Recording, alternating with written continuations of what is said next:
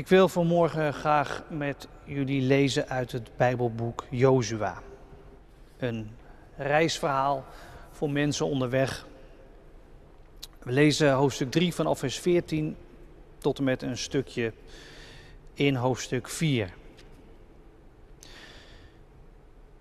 De mensen van God die eindeloos en eindeloos door de woestijn hebben gereisd, die zijn op een grensmoment gekomen.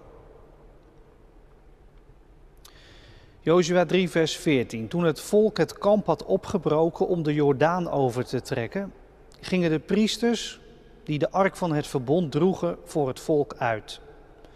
Zodra de priesters bij de Jordaan gekomen waren en hun voeten door het water werden omspoeld, de Jordaan stond de hele oogsttijd buiten zijn oevers, kwam het water tot stilstand en vormde het een dam, heel in de verte bij de stad Adam die vlakbij Saretan ligt.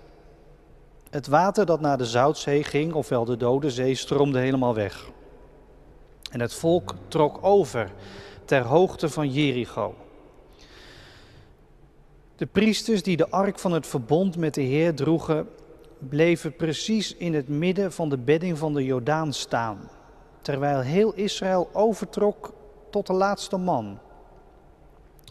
Nadat het hele volk de Jordaan was overgetrokken, zei de Heer tegen Jozua: Kies nu twaalf mannen, één uit elke stam, en zeg hun dat ze van de plaats waar de priesters in de Jordaan staan, twaalf stenen moeten halen. Die moeten ze meenemen en in het kamp leggen waar ze vanaf deze nacht zullen verblijven. Jozua liet twaalf mannen aanwijzen, één uit elke stam van Israël. En nadat hij hen bij elkaar geroepen had, zei hij tegen hen: Ga voor de ark van de Heer uw God de Jordaan in. U moet allemaal één steen op uw schouders nemen, één voor elke stam van Israël. Ze zullen een gedenkteken voor u zijn. Wanneer u uw kinderen later zullen vragen wat die stenen betekenen, dan moet u ze vertellen dat het water van de Jordaan werd tegengehouden door de aanwezigheid van de ark van het verbond met de Heer. Vertel ze dat toen de ark Jordaan inging, het water werd afgesneden. En dat deze stenen daarvan voor Israël een eeuwig gedenkteken zijn.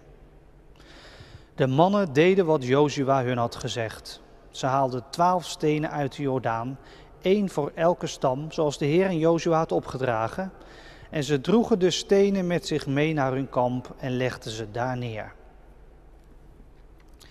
Tot zover de lezing van het woord van God. Gemeente van Jezus Christus. Ik zei net al uh, tegen de kinderen, het is altijd een beetje een rare zondag, zo extra zondag zal ik maar zeggen, die er tussenin valt. Uh, je kunt dan uh, een paar dingen doen natuurlijk. Dus ik dacht, zouden we nog eventjes in de stal blijven, bij de kribben waar Jezus ligt? Of zullen we alvast maar weer verder gaan. Ja, na kerst moet je ook weer verder natuurlijk en dan kom je bij eh, de jaarwisseling terecht. En dat laatste dacht ik, laten we dat maar doen. We moeten tenslotte weer verder. Mensen gaan altijd verder, steken altijd weer grenzen over. Wat dat er gaat, zijn wij mensen echt grensgangers. Iedere dag steek je natuurlijk een grens over. Hè? Als het avond wordt en je geeft je over aan de slaap, dan steek je weer een grens over. Je bent op weg naar een nieuwe morgen.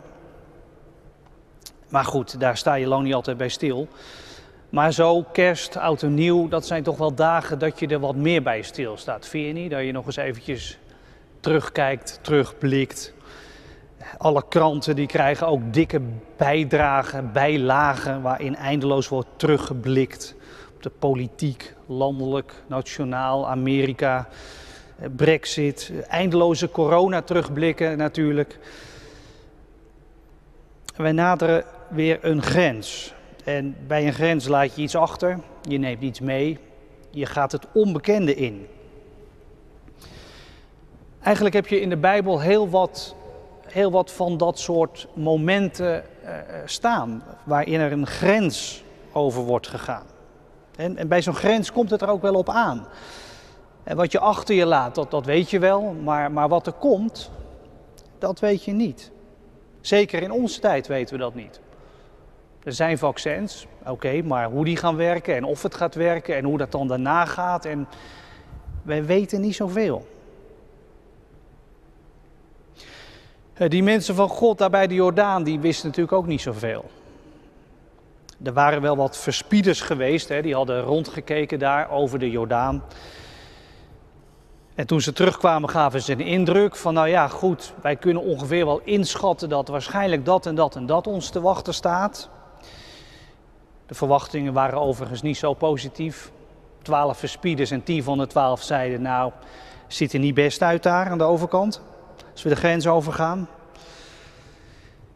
Dus misschien dat, dat heel wat mensen van het volk van God ook best somber waren als het ging om, om de nabije toekomst en ze die grens weer over zouden steken. Ja, wat daar nou te wachten stond.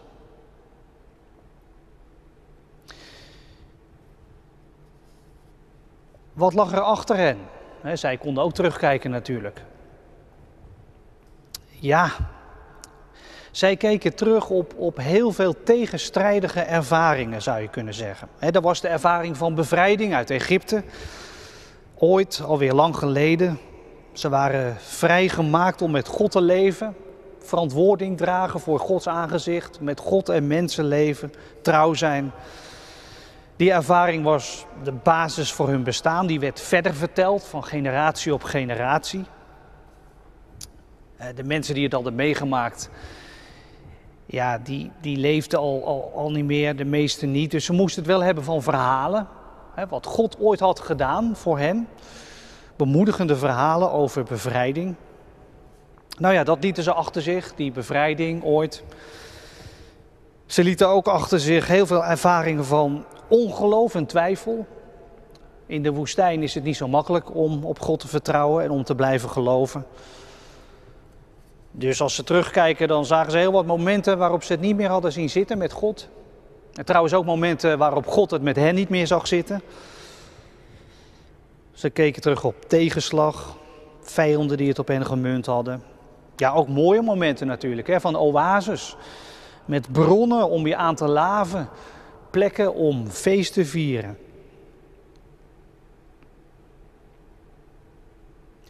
Eigenlijk gewoon net als, als het bij ons is zo vlak na kerst, aan het einde van het jaar, als je een beetje terugkijkt. Tegenstrijdige ervaringen. Nou ja, misschien, misschien is de meest overheersende ervaring nog wel dat we terugkijken op het jaar waarin heel veel niet doorging. Ik bedoel, dit jaar is wel duidelijker dan ooit geworden dat wij dus niet zoveel onder controle hebben. Eigenlijk wisten we dat altijd wel, maar toch, je, leeft er niet mee. Hè? Ik niet tenminste.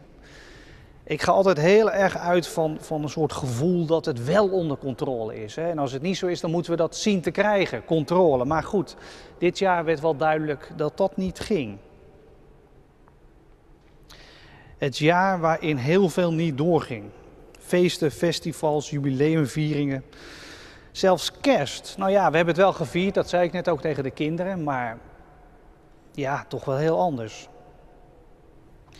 En iedereen heeft het op zijn eigen manier ervaren. Sommigen met stress en hectiek, anderen vonden het juist eigenlijk wel rustig. Je kijkt terug op een jaar met van alles en nog wat. Geliefden die stierven, een bedrijf wat naar de afgrond ging. Ook mooie ervaringen hoop ik. Ik hoop dat je op kerst van gisteren en eergisteren toch ook wel terugkijkt als een, als een bijzondere ervaring, juist in deze crisistijd. Dat je viert dat, dat, God, dat God gekomen is.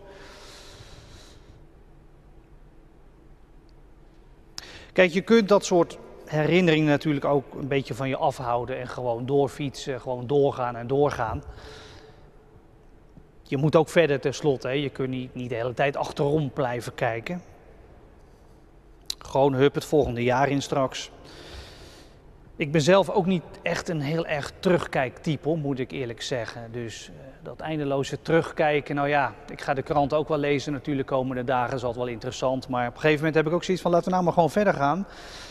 Maar weet je, eigenlijk is het ook wel goed hè? Om, om, om het wel te doen zo nu en dan. Gewoon eens wel eventjes stilstaan, Deze tijd moet je sowieso veel vaker stilstaan. We zijn gewoon stilgezet. En dan ook maar eens eventjes terugblikken, terugkijken. Dat is goed voor een mens. Wat is er voorbij gegaan? En eigenlijk is, is vandaag, deze zondag en de dagen die komen, zo richting het oude jaar, is wel een heel mooi, mooi moment. Goede dagen daarvoor. En, en vandaag doen we dat ook heel bewust voor Gods aangezicht. Terugkijken en vooruitblikken. Want ja, hoe moet je de grens oversteken als God er niet zou zijn? Als God niet mee zou gaan?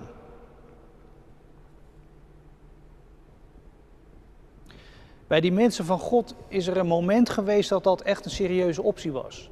Dat God had gezegd, jongens, ik geloof niet dat het iets gaat worden tussen, tussen jullie en mij. Ga maar zonder mij verder. Toen was Mozes er nog, die leefde toen nog en die had toen met God gediscussieerd. En die had gezegd, nee, dit, dit gaat, dat gaat niet, Heere God. Hoe kunnen wij nou verder gaan zonder u? Dat wordt niks. Ik weet niet hoe jij daar tegenaan kijkt. Als je naar kerst weer verder gaat, heb je ook zoiets van, ja, God moet echt meegaan? Of leef je helemaal niet zo dicht bij God eigenlijk? Spelen dat soort gedachten niet zo'n rol?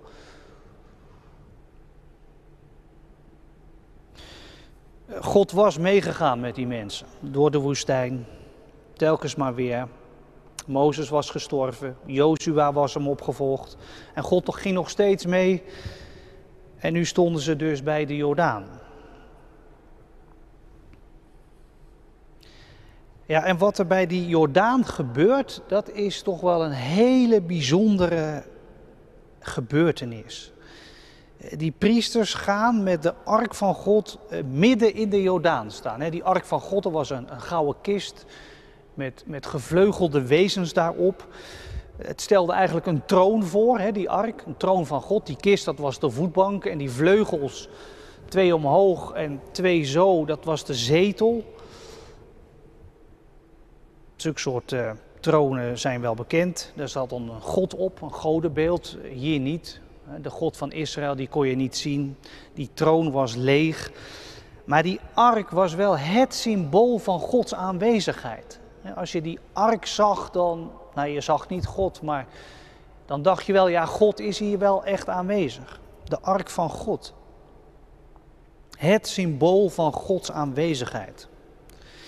En dat die ark dus midden in de Jordaan stond, betekende dus dat, dat God daar stond. Midden in de Jordaan, midden op de grens. En daarom konden ze verder. Die grens over, omdat midden op die grens God daar stond. En hen naar de overkant hielp. God hield het water tegen van de chaos die soms over je heen spoelt, die je wegdreigt te sleuren. God hield het tegen. Ze konden oversteken. Het is natuurlijk een fantastische geschiedenis. Die laat zo mooi zien wie onze God is. Dat hij meegaat, dat hij op de grens staat, dat hij, dat hij de overgang bemiddelt, dat hij je overhelpt, veilig laat oversteken. Dat is ontzettend hoopvol. Het was nogal een aparte trek van deze geschiedenis dat ze stenen mee moesten nemen. Ik weet niet of jou dat ook opviel toen we dat lazen. Die mensen van Israël moeten twaalf stenen uit de rivierbodem halen van de plaatsen waar de priesters staan met die ark. De plek waar, waar God staat, zou je kunnen zeggen. Twaalf stenen waar je als het ware de voetstappen van God nog op ziet staan. Daar stond hij om ons over te helpen. En die moeten ze meenemen naar de overkant, naar de nieuwe situatie als herinnering aan God, die ervoor had gezorgd dat ze konden oversteken. God die het water tegenhield.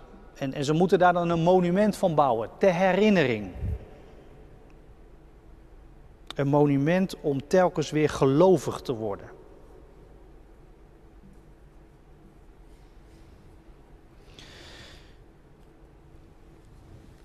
Als je terugkijkt, dan, dan neem je ook vaak iets mee natuurlijk, hè, naar, naar de overkant, naar, naar, naar voorbij de grens. Dus als wij nu eh, deze dagen terug aan het kijken zijn op het jaar, dan dan kunnen wij ook van alles meenemen naar, naar het volgende jaar. Je verleden neem je ook altijd een beetje mee. En je sluit wel dingen af en dat is ook goed. En je probeert ook dingen achter je te laten, maar er gaan ook altijd dingen mee.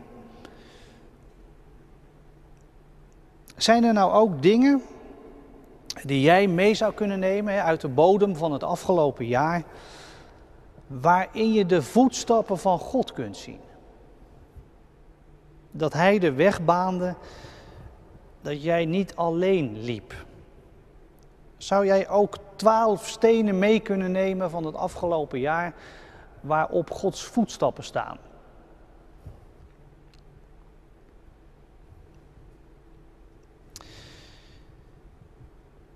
Deze dagen, eh, twaalf dingen, een lijstje. Eh, deze dagen, ja, dat, dat zijn ook de dagen van de lijstjes natuurlijk. Hè. Dus als ik aan jou vraag, kun je nou ook een lijstje maken? Er worden heel veel lijstjes gemaakt weer. Lijstjes van alle rampen, van alle belangrijke mensen die stierven, lijstjes van de leukste liedjes, noem maar op. En, en wij maken ook ons eigen lijstje van dingen die wij hebben meegemaakt. Geboorte, iemand die ontvallen is, promotie op je werk, nieuw huis, een huwelijk, breuk in je relatie. Een eerste golf, een tweede golf, eerste lockdown, tweede lockdown. Zoveel maanden echt college en zoveel maanden online, zoveel maanden thuisgewerkt, noem maar op. Je kunt hele lijstjes maken. Maar kun je nou ook stenen meenemen uit die bodem waar je de voetstap van God ziet staan? Twaalf stenen is misschien een beetje veel. Daar bij de Jordaan waren er ook twaalf mannen, die moesten elk één steen meenemen. Denk eens even na of je misschien één steen kunt meenemen of een paar. En of je die op de oever van het nieuwe jaar kunt leggen straks, aan het einde van de week. Een paar stenen die je kunt gebruiken als geheugensteun aan God, aan Gods goedheid, aan God die je doorheen gehaald heeft. Wat kun jij meenemen?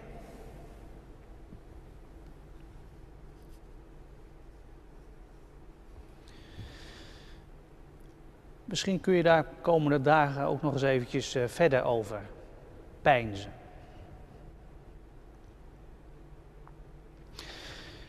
Neem de steen die jij gevonden hebt of die jij gaat vinden de komende dagen maar mee en zet hem straks neer op de oever van het nieuwe jaar. Als herinnering aan Gods goedheid en trouw, maar ook als belofte. Die stenen waren ook een soort belofte. God is betrouwbaar. Hij blijft dezelfde. Zoals hij was in het verleden, zo zal hij ook zijn in de toekomst.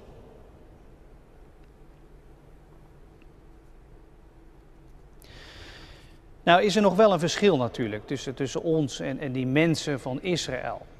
Ik vind dat die mensen van Israël ontzettend veel geluk hadden omdat zij de ark hadden. Die, die stond daar gewoon fysiek op de grens. Die, die zag je en je moest er langs heen. Lang, je, kon hem aanraken, dat mocht natuurlijk niet. Het was een, een heilig symbool, maar het, het had gekund.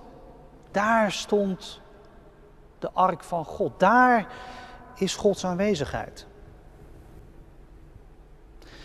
En wij hebben dat niet natuurlijk. Geen, geen ark, geen troon van God waar je achteraan kunt gaan, die ons de weg wijst naar de toekomst. Wij moeten onze Jordaan en onze Jordanen oversteken zonder ark. Ja, dat is ook zo. Dat is ook zo. Die ark, dat is voorbij. Die is er ook niet meer. Maar er is natuurlijk wel iets anders. Kerst. Iets onomkeerbaars, onvergetelijks, wat, wat nooit meer ongedaan gemaakt kan worden.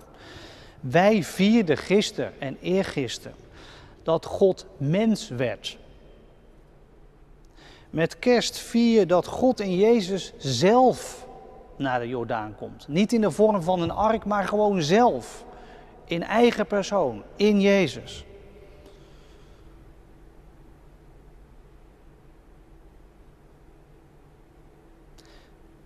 Met kerst komt God naar de Jordaan in Jezus. En Jezus ging ook naar de Jordaan. Daar begon hij zijn publieke optreden. Eerste waar hij heen ging was de Jordaan. En dat was natuurlijk niet voor niks. Dat snap jij ook wel. Jezus ging naar de Jordaan, naar de grens, omdat wij daar ook zijn. Telkens weer een grens over moeten. Telkens weer verder moeten. Daarom ging Jezus natuurlijk naar de grens, naar de Jordaan. En Jezus ging midden in de Jordaan staan.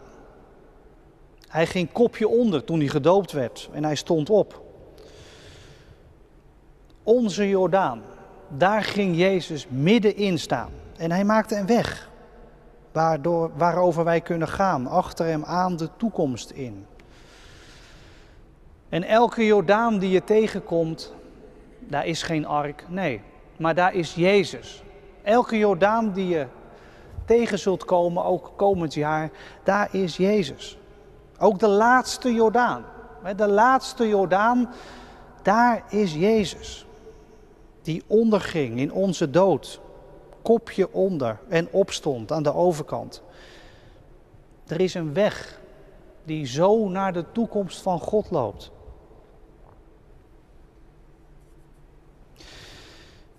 Wij moeten verder, kerst laten we achter ons, op naar de jaarwisseling, op naar een nieuw jaar, op naar de Jordaan. En de Jordaan is breed, maar dat stond ook in die geschiedenis. Die was buiten zijn oevers getreden. Maar geen Jordaan is te breed om over te steken, omdat Jezus de weg gebaand heeft. Wij kunnen naar de overkant. We zijn op weg naar de overkant van Gods toekomst. En wij hebben geen ark, maar wij hebben Jezus. En Jezus heeft ons. Jezus staat daar midden op de grens, op onze grens. En wij volgen Hem. Hij is onze Heer. Hij is de morgenster die opging over ons leven. En die ons de weg wijst. En die ons wenkt. Die licht laat vallen over ons pad. Amen.